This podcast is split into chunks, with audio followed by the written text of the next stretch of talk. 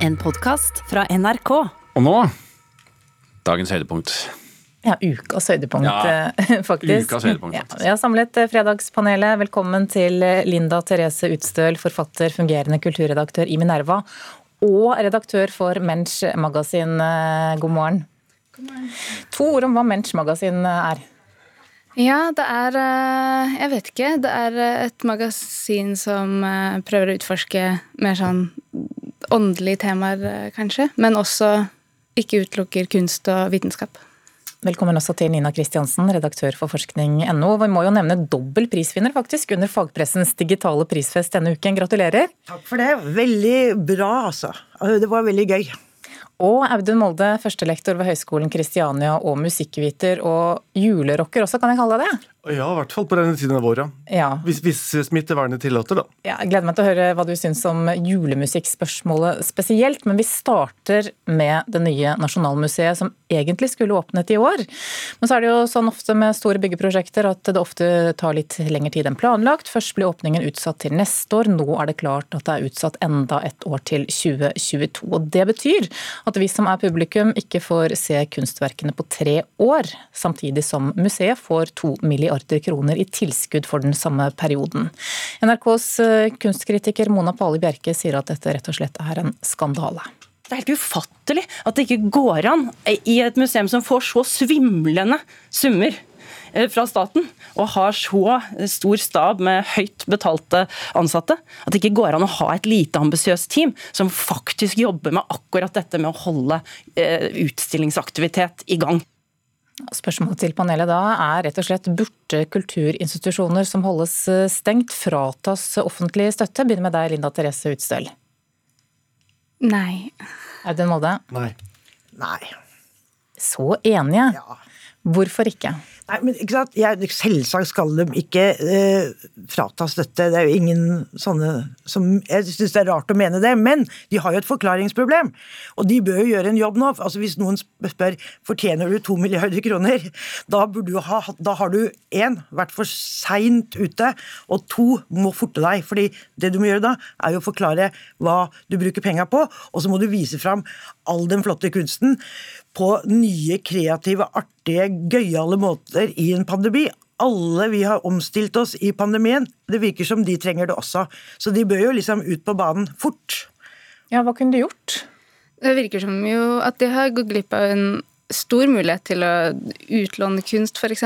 til internasjonale museer, eller norske museer, um, blant annet.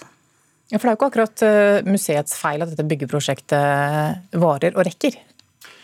Nei, det kan du si, men på den annen side så er det jo eh, mange usikre ting med sånne byggeprosjekter. Da. Men det er jo to ting som, som alltid skjer, og som de burde vite på forhånd. Det ene er at det blir budsjettoverskridelser, og det andre er at det blir forsinkelser. Det vet vi. Altså Det er helt superenkel, erfaringsbasert forskning. Så eh, at de er overraska over det, og at de sier at de ikke har lagt noen strategi for det, det syns jeg er litt merkelig, faktisk. Det er ikke deres feil, men det skjer jo hver gang. Så, og jeg vet at de har gjort uh, mye på formidling. Det er ikke det at de gjør ingenting, men når de får disse, disse midlene, og, og, de har det ansvaret de har altså Det er jo ikke eh, bygningen som er poenget til Nasjonalgalleriet, det er jo kunsten de skal forvalte. Det som Bygningen er et middel. Det å vise kunsten er jo et mål. Og nå når kulturlivet ligger på felgen på så mange områder, og de faktisk har en solid finansiering, så syns jeg godt at de kunne gjort mye mer. Og Det er vel det som Mona Palle Bjerke også sier i innslaget her, de burde ikke blitt fratatt støtten, men de burde kanskje brukt den på en enda mer offensiv måte enn de har gjort. Mm, men er tre år så lenge, da, uten denne kunsten? Altså, jeg syns jo det er litt flaut, jeg. Ja. Altså, ikke sant? Altså, du har et problem når noen spør hva gjør du med én milliard kroner, ikke sant? eller to milliarder. Ja, altså kunst og kultur er viktig i pandemi og utafor pandemi, men altså, det er jo noe med at det, vi har fått en mulighet i pandemien til å tenke nytt om hvordan vi jobber. Veldig mange har gjort det. Nå må de på banen, altså Nasjonalmuseet, tenke nytt om hvordan de jobber også. Og det har de en vidunderlig mulighet til. Ikke sant? Mm. Mm. Og penger. Jeg var på omvisning på Nasjonalgalleriet når de hadde sånn åpen dag, jeg tror det var i fjor, eller forfjor, ikke helt, i fjor kanskje. Og da var det jo seks måneder etter de skulle åpne. Uh, og Nå er det vel snakk om tre år. og begynner, Det er jo en fusjon der mellom ulike institusjoner. Hvis du begynner å se på, på Arkitekturmuseet og, og Samtidskunstmuseet, altså andre, så, så, er det jo noen av disse stengte jo i 2016-2017. Så det er jo snakk om fem-seks år for enkelte av dem. Ja. Mm. Lederen for Nordic Institute of Art, Knut Jøgodt, mener at eh, det at kunsten er utilgjengelig rett og slett kan føre til en tapt kulturgenerasjon. Er du enig i det? Jeg vet ikke, jeg ville vært litt kritisk til det. Altså, det er jo uh, kjempe, en fin mulighet for Oslo-elever og de rundt Oslo, men alle bor ikke rundt Oslo. Uh, vil uansett ikke ha tilgang da, til den kunsten. Så, å sende det på turné, f.eks., hadde jo kanskje gitt eh, uh, nye generasjonen enda mer, et enda større kulturtilbud. Mm. Tapt kulturgenerasjon, er det det vi kan få? Nei da, det får vi ikke. Kunsten overlever, og, og det går bra. Men, eh, men eh, Nasjonalgalleriet eh, de har en jobb å gjøre framover nå. Det nærmer seg jul, og da skal vi snakke om noe mange er opptatt av akkurat nå, nemlig julemusikk. blood and junk lying there almost dead on a dripping night bed. You scumbag, you murderer!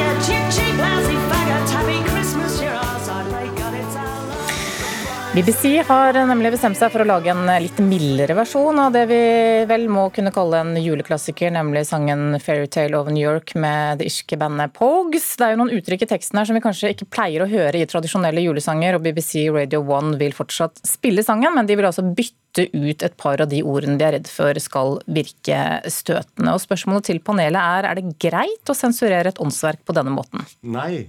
Nei. Nei. Dere er så enige. ja, men du stiller så enkle spørsmål. Altså, pluss at jeg er egentlig for at de skal ta det ut, da, men altså, når du blir spurt om er du for sensur, så må du si nei. Okay, du går ikke an å Jeg kan ikke si ja, jeg er for å sensurere et åndsverk, men jeg syns ikke det gjør når BBC tar ut de to orda. Og, og, fordi at det, I dette tilfellet så har jo til og med artistene gjort det sjøl. Og hvis du har to ord som støter folk, ja, hvorfor ikke ta dem ut? Hvorfor liksom Det er ikke så hellig. Det er en julesang. La oss fjerne dem.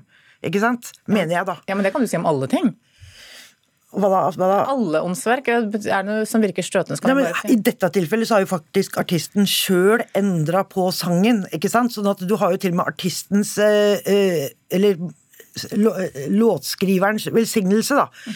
Så, så jeg syns ikke det er så farlig. Og jeg mener sånn Støter Er det støtende? Ta det ut. Men gjør vi ikke folk litt en bjørnetjeneste da, hvis vi driver og tar ut ting som er støtende? Dette er sånn 1990 eller 1980 hilser med sine problemstillinger. Altså. Er, jeg skjønner ikke at BBC gidder å altså, De kan jo ikke spille noe særlig musikk altså, hvis de skal holde på sånn, eller uh, drive med noe særlig kulturformidling. helt at Hvis de skal være så nøye. Dette handler jo bare om liksom, snerpet og fjerne noen ord. Jeg er helt enig med det, det må de gjerne gjøre, men hvor viktig er det egentlig? Og, og altså, for, for, meg så er det der også veldig personlig, da, som du sa i innledningen, for jeg har jo spilt På denne tiden av året så tar jeg på musikerhatten min, eller bassen som det også kalles, og så spiller vi, samler vi gamle gjengen. Og så spiller vi julerock i mitt lokale kulturhus, og det har vi gjort i 20 år på Rana. eh, i Bærum kulturhus. Og en av de sangene som alltid står på repertoaret, ganske mot slutten av konserten, det er den sangen her. Eh, og jeg har sett i 20 år nå fulle kulturhussaler og, og klubbsaler juble og danse og gråte og le. Jeg tror ikke ett menneske har blitt støtt pga. at jeg har spilt den sangen her, men de har blitt veldig veldig rørt eh, og glad for det. Og jeg kan, jeg kan, love, jeg kan love at når eh, Erik B. Berntsen og Birgitte Garn Andresen går på scenen om en tre ukers tid, da er det ingenting som kan sensurere oss, bortsett fra smittevernreglene og Raymond Johansen. Om det blir noen julekonserter i år i hele tatt, det er problemet. Mm. Jo, men ikke sant. Altså, dette her er jo, altså, Kvinnebevegelsen, eller feminister, har jo aldri kjørt store kampanjer for å liksom endre eh, kulturuttrykk. Ikke sant? Sånn som uh, antirasistiske bevegelser har gjort, og minoritetsbevegelser har gjort. ikke sant? Så har jo liksom gått inn for å eh, rydde vekk uh, rasistiske uttrykk. mens feminister og sånn har jo aldri gjort det. Og så dette er jo et av de få greiene hvor at her er det jo sløtt da, som skal vekk, ikke sant. Og det er jo ganske sjelden har skjedd, har skjedd da. Så jeg syns det er litt kult.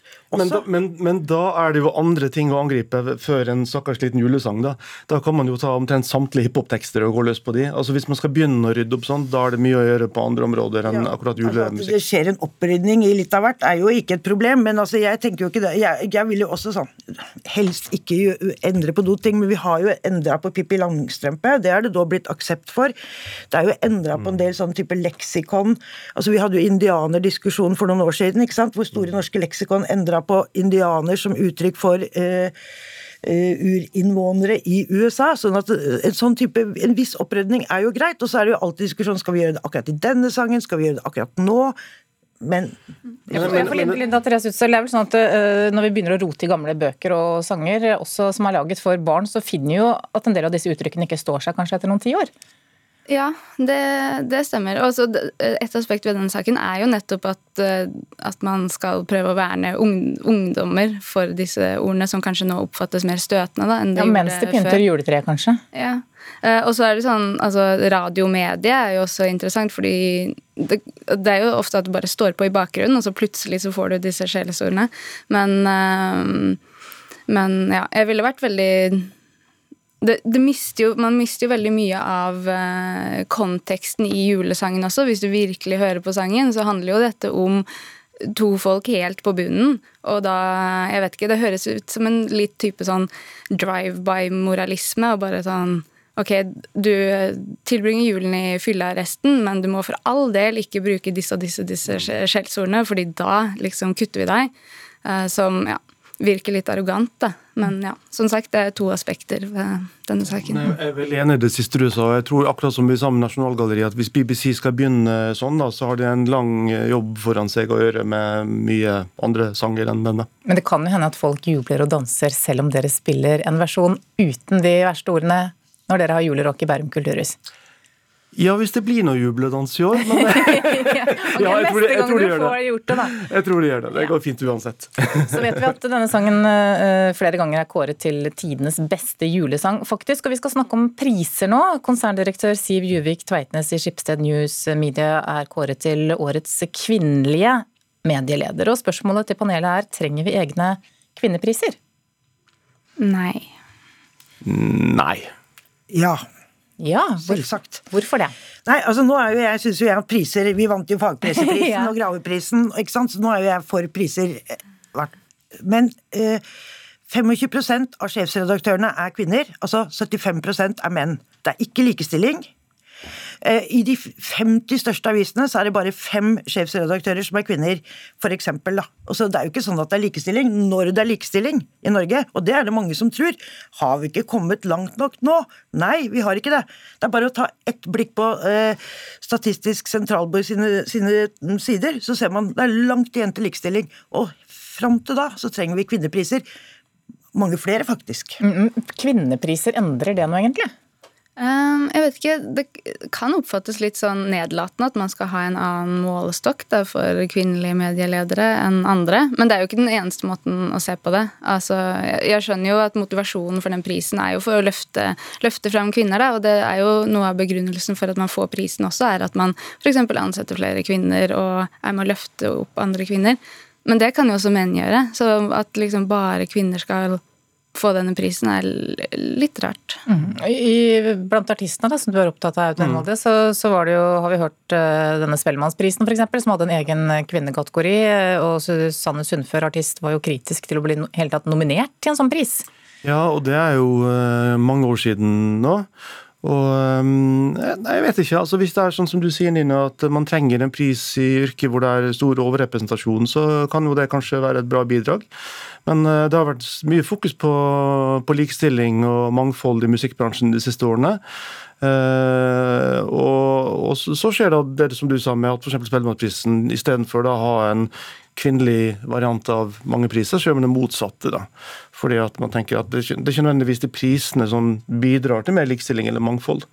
Så det er det jo sikkert mange erfaringer og, og meninger om. for jeg er usikker på det. Prisene fikser jo ikke likestilling. Det er jo ikke sånn der at oi, her er det en pris, og da ordner det opp i seg sjøl. Men det er et viktig bidrag til å eh, hylle noen kvinner som har gjort det veldig bra, sånn som i år. Eh, og det er å peke på problemstillingen, det er å liksom reise debatten, det er å liksom sette søkelys på noe som er ganske viktig. Og sånn sett så har det jo en funksjon. Mm. Og så er det jo ikke lett å vinne eh, prisen for å være kvinnelig medleder. Det er jo veldig vanskelig å vinne den. Så hver av de som vinner den, fortjener den jo. Det er jo ikke noe lettere å vinne priser for kvinner enn det det er allmenne priser. Har vi noen mannepriser i Norge? Nei, alle priser har jo vært mannepriser. Og så er det noen som da liksom er i ferd med å bli litt sånn begge deler av priser, men vi er jo langt igjen til likestilling også på prisutdelinger. Mm. Men effekten, da? ja. Man kan jo også se på liksom nominasjonskomiteene og de, de, som sitter der, at det kanskje er der man heller burde ha, mm. ha litt flere kvinner, da. for å Altså, det er jo kjempeviktig at det er, er fokus på det. Um, Ja, og tilbake til Spellemann, da. altså Den gjeve prisen som heter Årets Spellemann, der er det jo eh, fire eller fem kvinner som har fått den gjennom tidene. Og da tror jeg kanskje det er mye viktigere å ha flere av de enn å opprette en egen Årets Spellekvinne, f.eks. Ok. Takk til ukens fredagspanel, Audun Molde, Linda Therese Utstøl og Nina Kristiansen. Du har hørt en podkast fra NRK. Hør flere podkaster og din NRK-kanal i appen NRK Radio.